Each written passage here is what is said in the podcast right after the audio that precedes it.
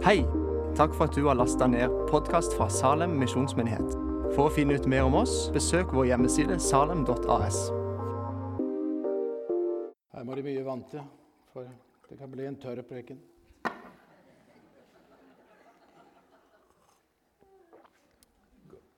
Godt mugga her. Se det. Da skal vi lese teksten. Vi skal faktisk lese to tekster i formiddag. Men hovedteksten den eh, finnes i Galaterbrevet kapittel 3, vers 1-5. Og den får vi opp på veggen. Det er det møtet da alt går galt, dette her. Så monitoren har falt ut der òg, så jeg må følge med litt der. Der er teksten. Og da skal vi oppføre oss som gode lutheranere. Vet du hva de gjør? De reiser seg når vi leser teksten. Det gjør vi i dag. Og da leser vi sammen.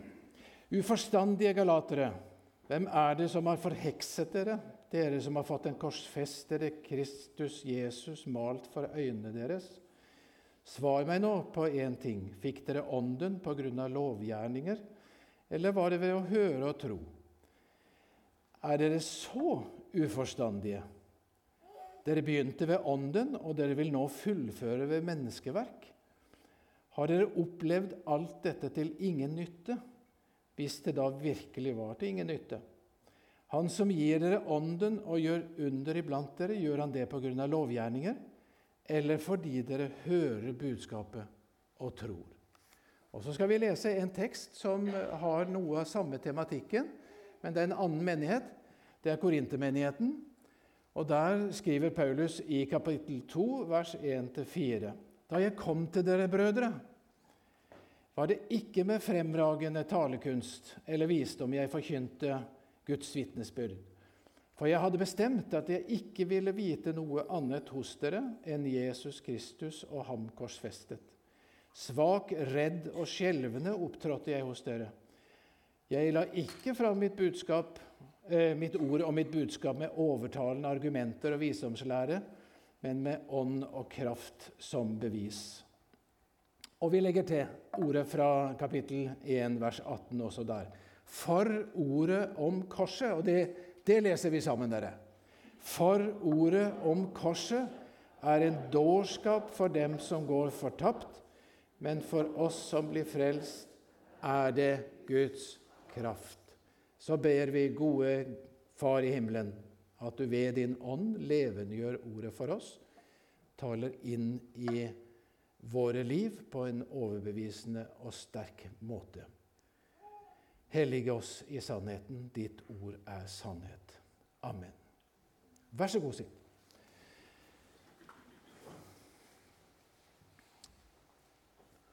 Under eh,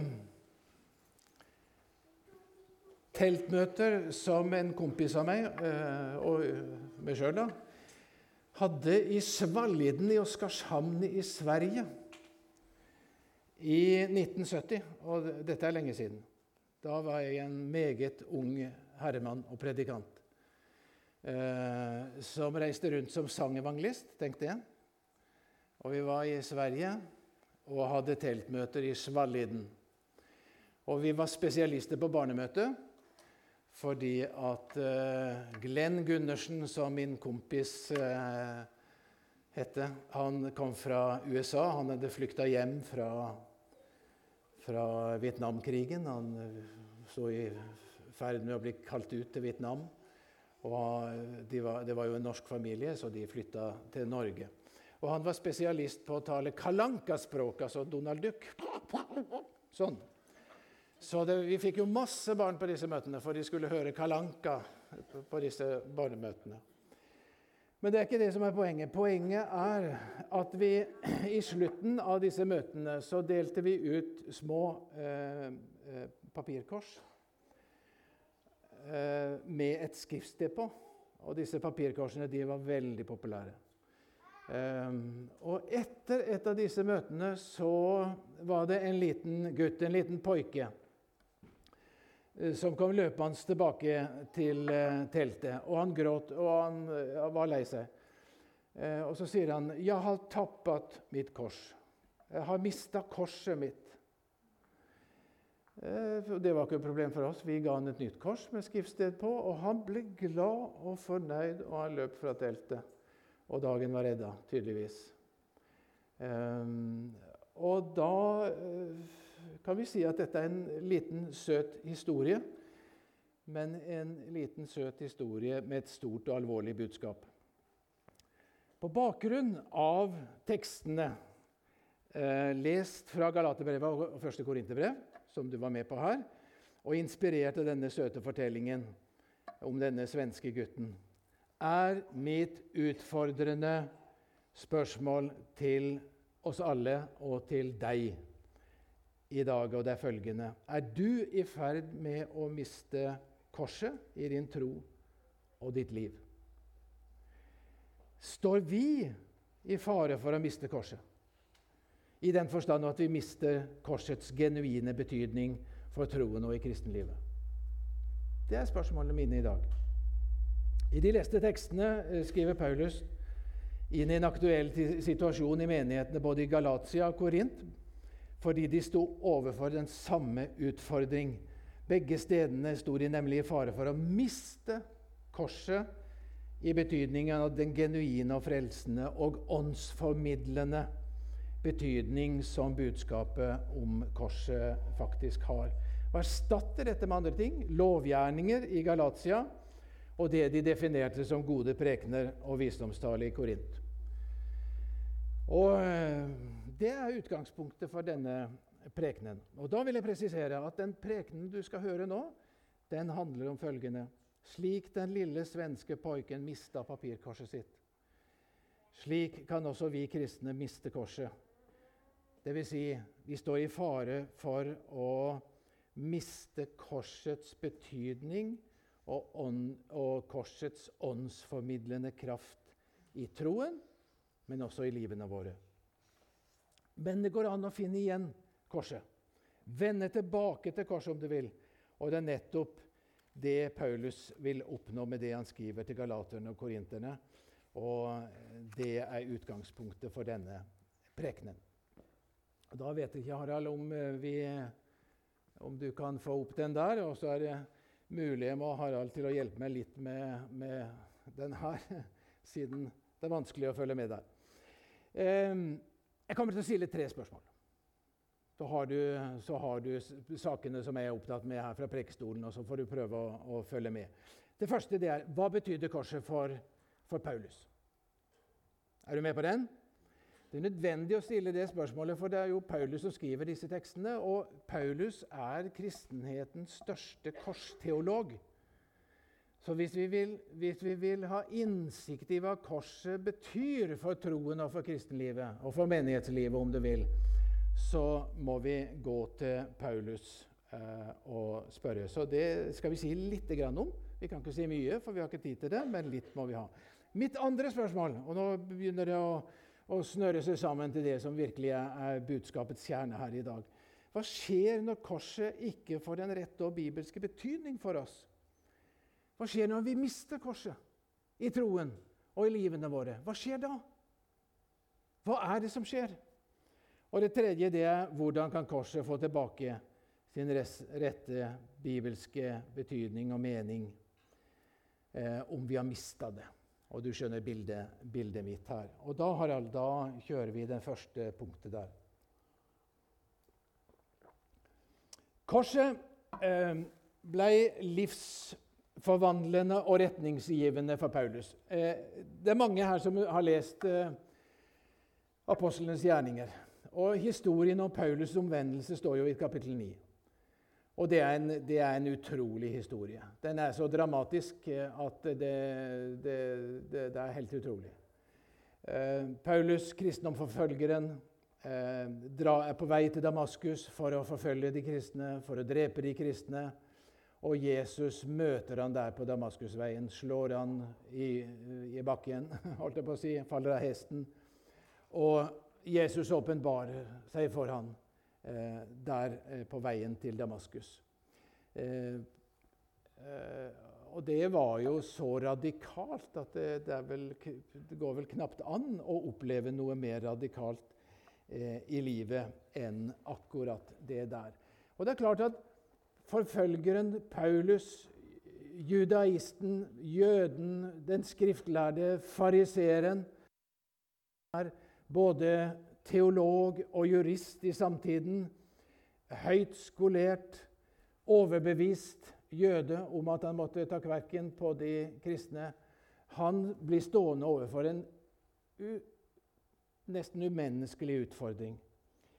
Og Det er tre slike utfordringer han sto overfor. Det første var hvordan i all verden kan denne Jesus fra Nasaret være jødenes Messias?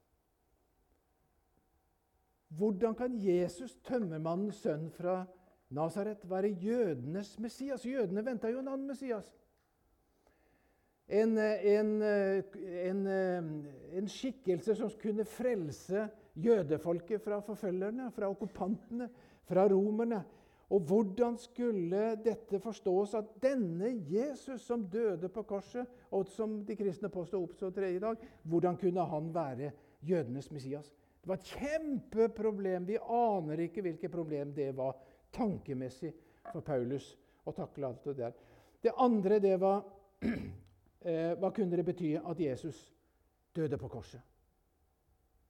Det hadde jødene lite teologi på, så det var vanskelig å forstå. Hadde lest Isaiah 53, så hadde de kanskje noe, men det var ikke alle som trodde at det gikk på Jesus.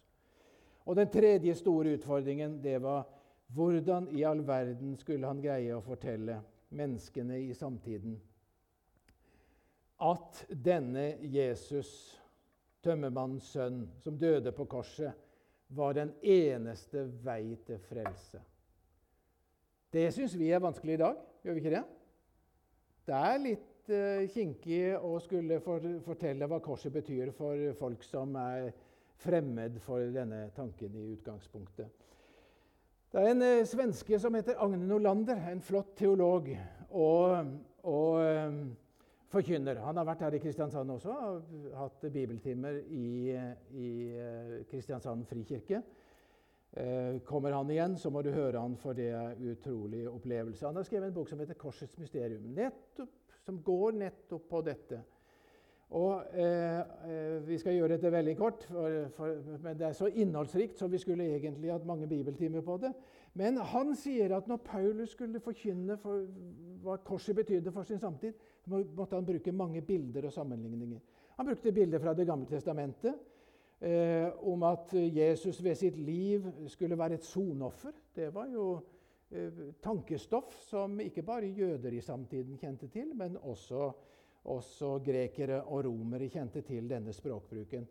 Han brukte ordet gjenløsning og løsepenge, og da brukte han bilder fra rettsvesenet og handelslivet. For det var det ord og begreper som, som folk kjente. Så knytta han an til det. Han brukte bilder fra den politiske arena, mellommenneskelige forhold. Han talte om uh, forlik, han talte om forsoning. Eh, og Det var jo begreper som folk kjente til. Og det å forsone seg med hverandre, det at vi måtte forsones med Gud, jo, det kunne folk forholde, forholde seg til. Så det var ordet han brukte. Han bruker bilder fra det militære området.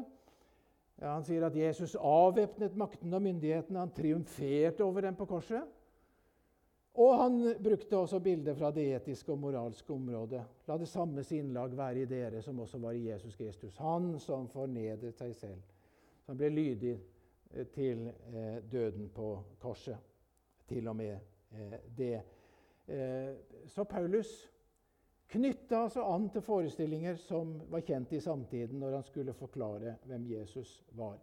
Og Det vi kan dra dette sammen til, det var at eh, det var ordet om korset som ble det helt sentrale innhold i hans eh, i hans budskap. Og da, da, er det tre Hvis du klikker litt fram der, Harald, skal vi prøve oss. Eh, det er litt lenger fram. Ja. Ja, der er vi litt Jo, der har vi det. Der. Her har du tre viktige punkter. Tre veldig viktige punkter. Hva var det i en sum Paulus hadde skjønt om korset og korsets betydning? Og her har du en sammenfatning av det. For det første at korset taler sant om Gud. Det taler sant om Guds kjærlighet. Og det er vi vant til å tenke. At så høyt har Gud elsket eh, verden at han ga oss Jesus. Også til å dø på korset. Ja, Men det er mer enn kjærlighet. I dag har vi liksom en tendens til å legge veldig stor vekt på det der.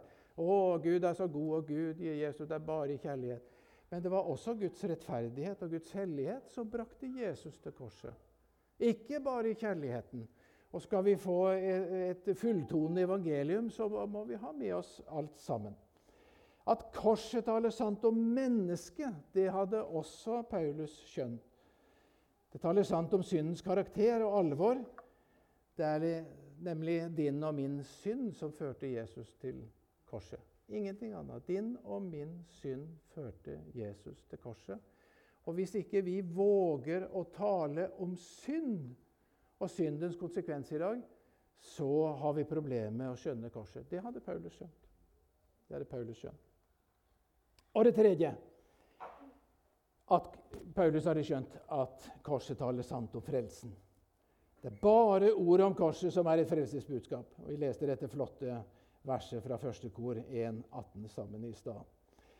Eh, denne sannheten her, den ofra faktisk Paulus livet for.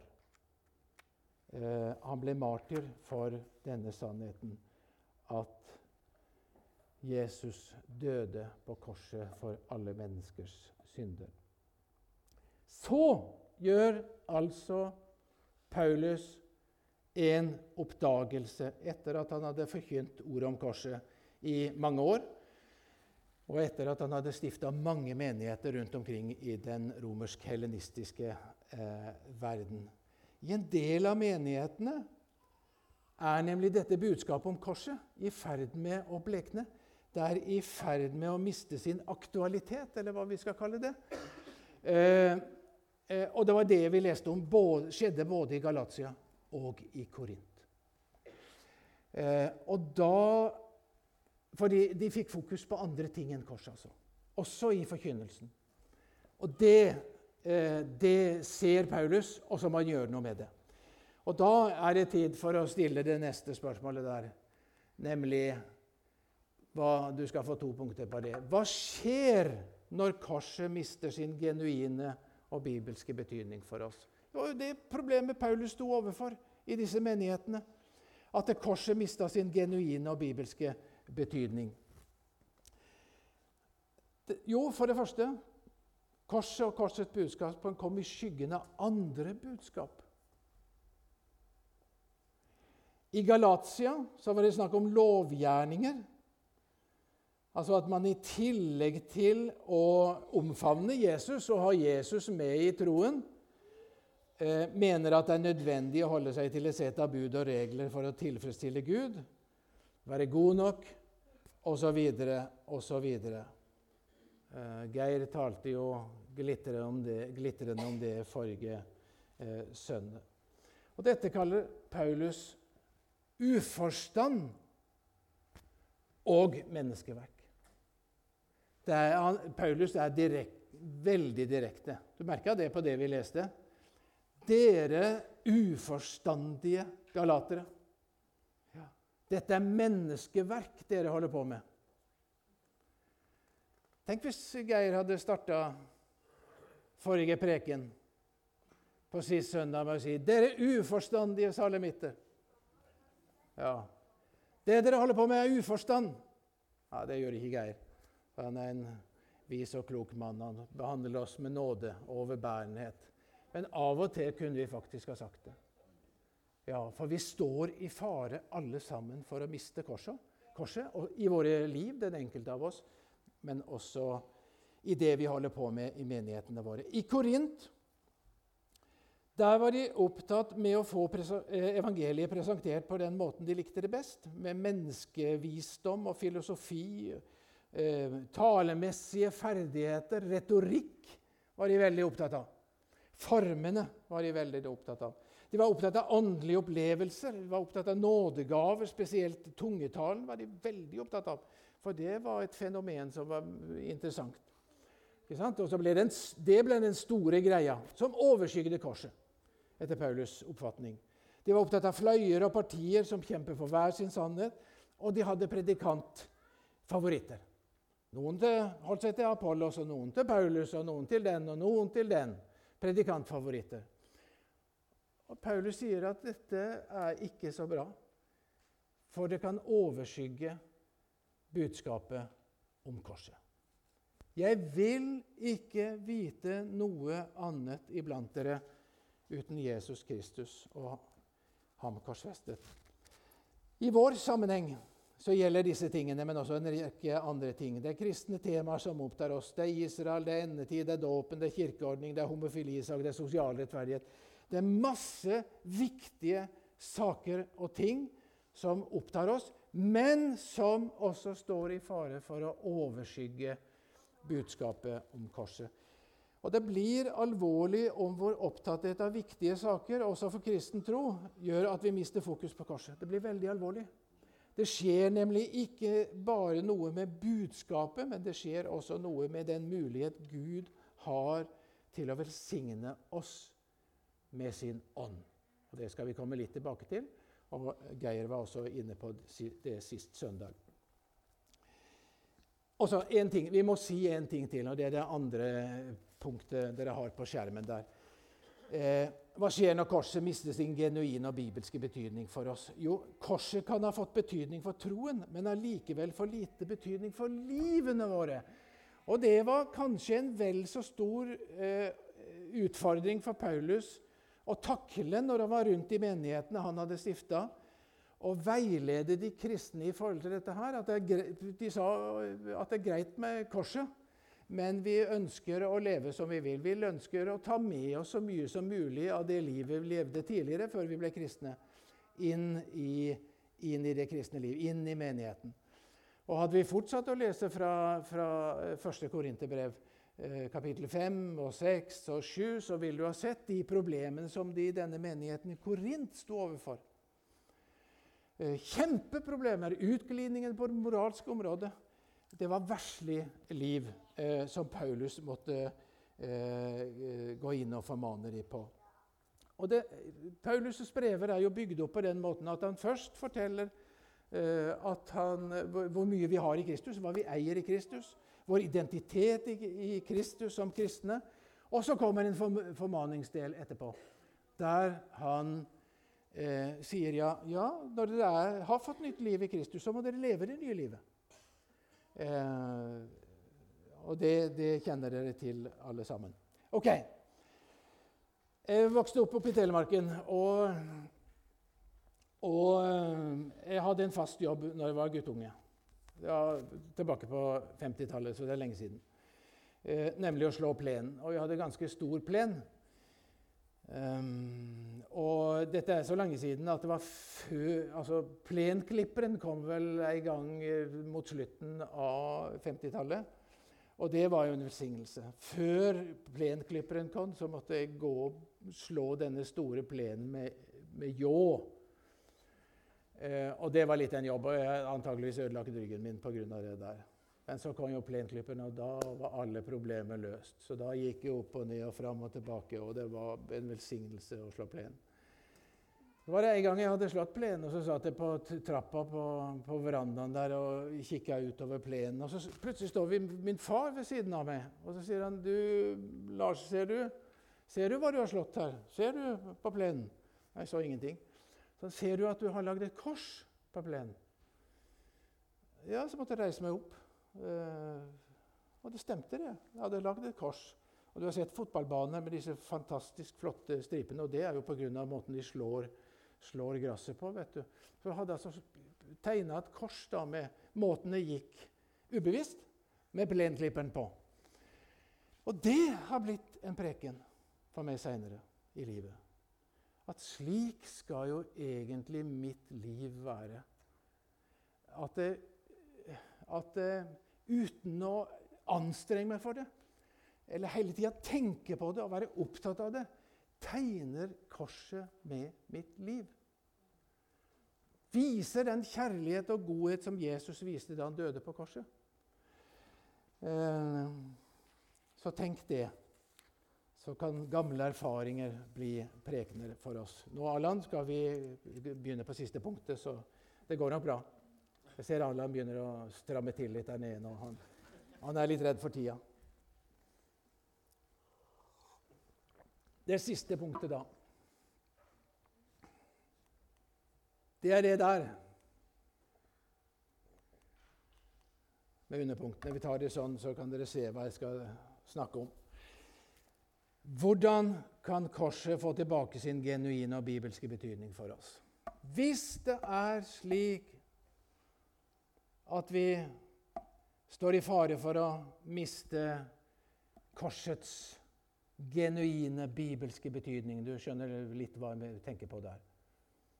Hvordan kan vi få, få korsets betydning tilbake i våre liv, eh, i vår tro, og vi kan nesten si også i menigheten. Så har jeg tre punkter her. Det første det er, eh, det har noe med hva som forkynnes å gjøre. Og så har det noe med forkynnerne å gjøre. Og så har den noe med hvordan vi tenker Den hellige ånd oppi dette her. Det, det første punktet det skal Eh, det skal jeg ikke si så veldig mye om, for tida har gått eh, veldig langt. Men det har noe mm, å gjøre med hva som forkynnes. Hva ble forkynt i Galatia? Jo, det var jo lovgjerninger. Fokus på lovgjerninger. Hva ble forkynt i Korint? Jo, det var jo fokus på visdomslære og, og eh, talekunst. Eh, gode predikanter. Eh, tenker dere samtalene på kirkekaffen i Korint etter at de hadde hørt Apollos og disse her store predikantene. Ja, fantastisk i dag. Ja, det var så god preken. Ja, ikke sant? Det er verre når den og den preker. Ikke sant? Paulus kommer, og han er jo svak og redd og skjelvende. Så det er verre. Eh, det har noe med hva som forkynnes å gjøre. Det, det skjønner du. Så har det noe med forkynneren å gjøre. og der tror jeg skal bruke litt grann tid på det, hvis du gir meg lov, Allan. Som forkynnere så må vi nemlig Så må vi nemlig gjøre et valg.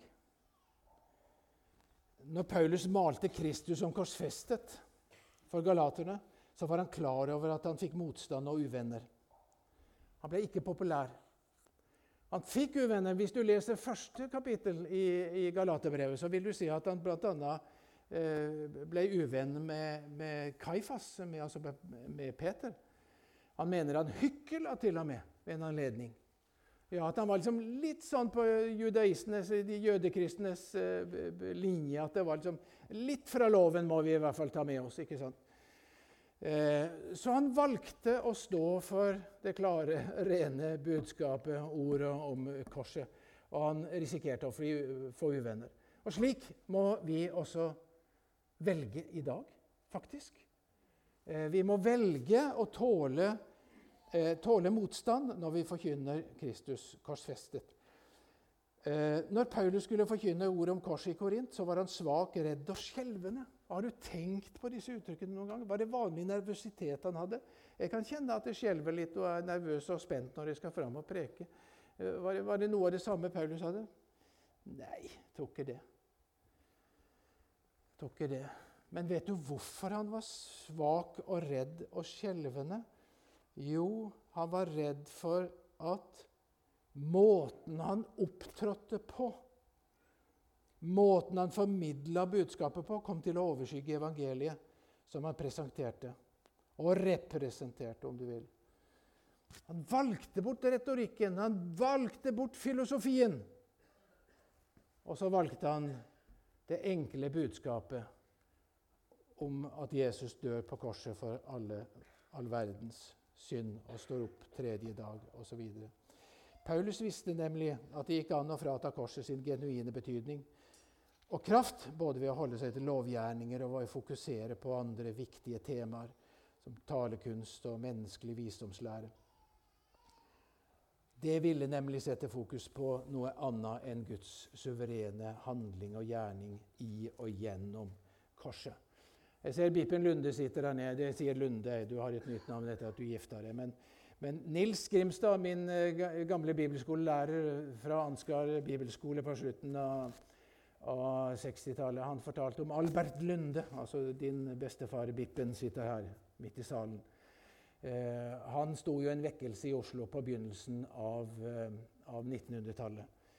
Eh, før pinsebevegelsen begynte å røre på seg også i Norge. Og Han stifta Albert Lundes forsamling, som ble Den evangeliske forsamling, og står sentralt i Orientmisjonen, som Allan bl.a. har leda i mange mange år. Eh, og Nils Gimstad fortalte at Albert Lunde, når han skulle eh, fram og preke i Karl Meiergatens misjonshus, som tok 5000 tilhørere. Og det var jo vekkelse, så var det jo smekkfullt. Eh, så sto han ofte på bøttekottet eller hvor det var, og brakk seg. Eh, eh, var det bare det at han var redd for å møte disse 5000? Nei, jeg tror ikke det. Jeg vet ikke om du, du kjente vel knapt din bestefar, var død ved 39. Men jeg tror ikke det var det. Men vet du hva han var redd for? Han kom med et budskap om liv og død. Han skulle forkynne Kristus. Han skulle forkynne Kristus korsfestet. Og da sto det om liv og død.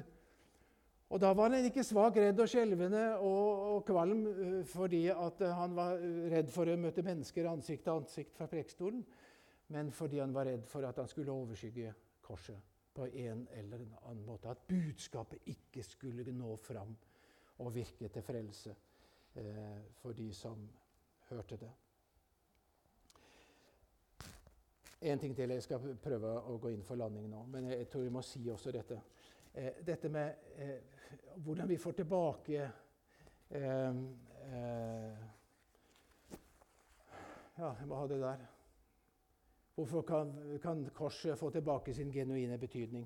Det har noe med, med ånden å gjøre. Nå skal jeg lese eh, noen av disse versene som vi har lest allerede der, som viser at det er en sammenheng mellom ordet om korset, budskapet om korset, og ånden. Jeg la ikke fram mitt budskap med overtalende argumenter og visdomstale, sier Paulus til, i 1. Korinterbrev 2, men med ånd og kraft som bevis. Um, Galaterbrevet 3.2.: eh, Fikk dere ånden pga. lovgjerninger, eller var det ved å høre og tro? Og vers 3.: dere begynte i ånden, vil dere fullføre med menneskeverk? Og vers 5.: Han som gir dere ånden og gjør under iblant dere, gjør han det pga. lovgjerninger eller fordi dere hører og tror? Hva sier dette oss? For det første Gud som gir oss ånden som pant og frelsesgave. For det er det ånden gjør. ikke sant? Formidler frelsen til oss. Gjør dette ene og alene på grunnlag av at vi hører og tror. Eneste betingelsen. Ikke lovgjerninger. Ikke hører, tror, gjøre, men hører og tror. Ja. Og det andre som er viktig å si Gud som velsigner oss med åndens liv og kraft. Også i form av undergjerninger, for det står faktisk i disse tekstene vi leste. Gjør dette fordi vi hører og tror og ikke fordi at vi geberder oss på, på merkelig vis, eller fordi at vi gjør ditt eller datt, men fordi vi hører og tror. Så den karismatiske ytringen, den karismatiske dimensjonen i kristenlivet, kommer også til syne fordi vi hører og tror. Ikke fordi at vi får en second blessing eller noe som helst, men fordi vi hører og tror. Det er fantastisk.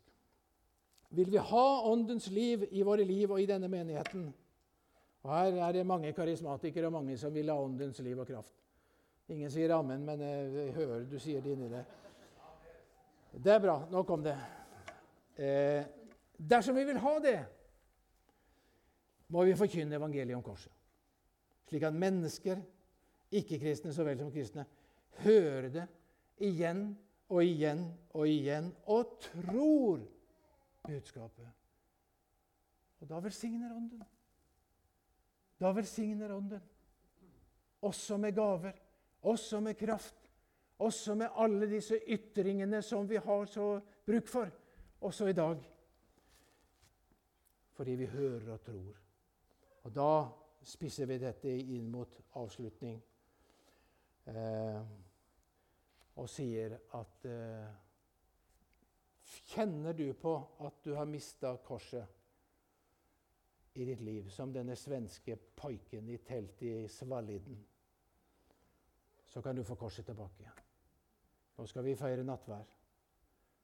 Og Da kan du komme til korset på nytt igjen og si takk, kjære Jesus, at det for enkelt tro på korsets betydning i mitt liv. Så kan du be en bønn til. Du kan si Gode Hellige Ånd, kan du si. Kom og levendegjør dette ordet om korset på nytt igjen i mitt liv. Og kom og bekrefte budskapet om korset i mitt liv på nytt igjen. Fordi at du er blitt, du er blitt litt fjern fra det. Gutten i Svaliden han strålte av glede når han hadde fått korset igjen. Han løp fornøyd fra, korset, eh, fra, fra teltet. Og det har vært min bønn for dette møtet. Det har vært at det, det, skulle være noen her i dag som kjenner at dette er et budskap inn i mitt liv. Og at du kjenner at du, du vil gå til korset igjen. Ved korsets fot hos Jesus, der vil jeg gjerne stå. Der finner jeg den klippegrunn som jeg kan bygge på, sang vi i gamle dager. Det er slutt på det at vi synger fra sangboka, men den står der. Der er klippegrønn. Der vil du stå. Og da begynner du å bli glad. Da kan vi gå fra gudstjenesten i formiddag og kjenne at vi, vi, har glede. Ikke fordi at dette var et strålende møte, og det gikk så bra, og Allan var god, og det var god lovsang, og det var så masse bra i møtet, men fordi at jeg får lov til å eie Jesus. Jeg får lov til å tro på ordet om korset. Amen.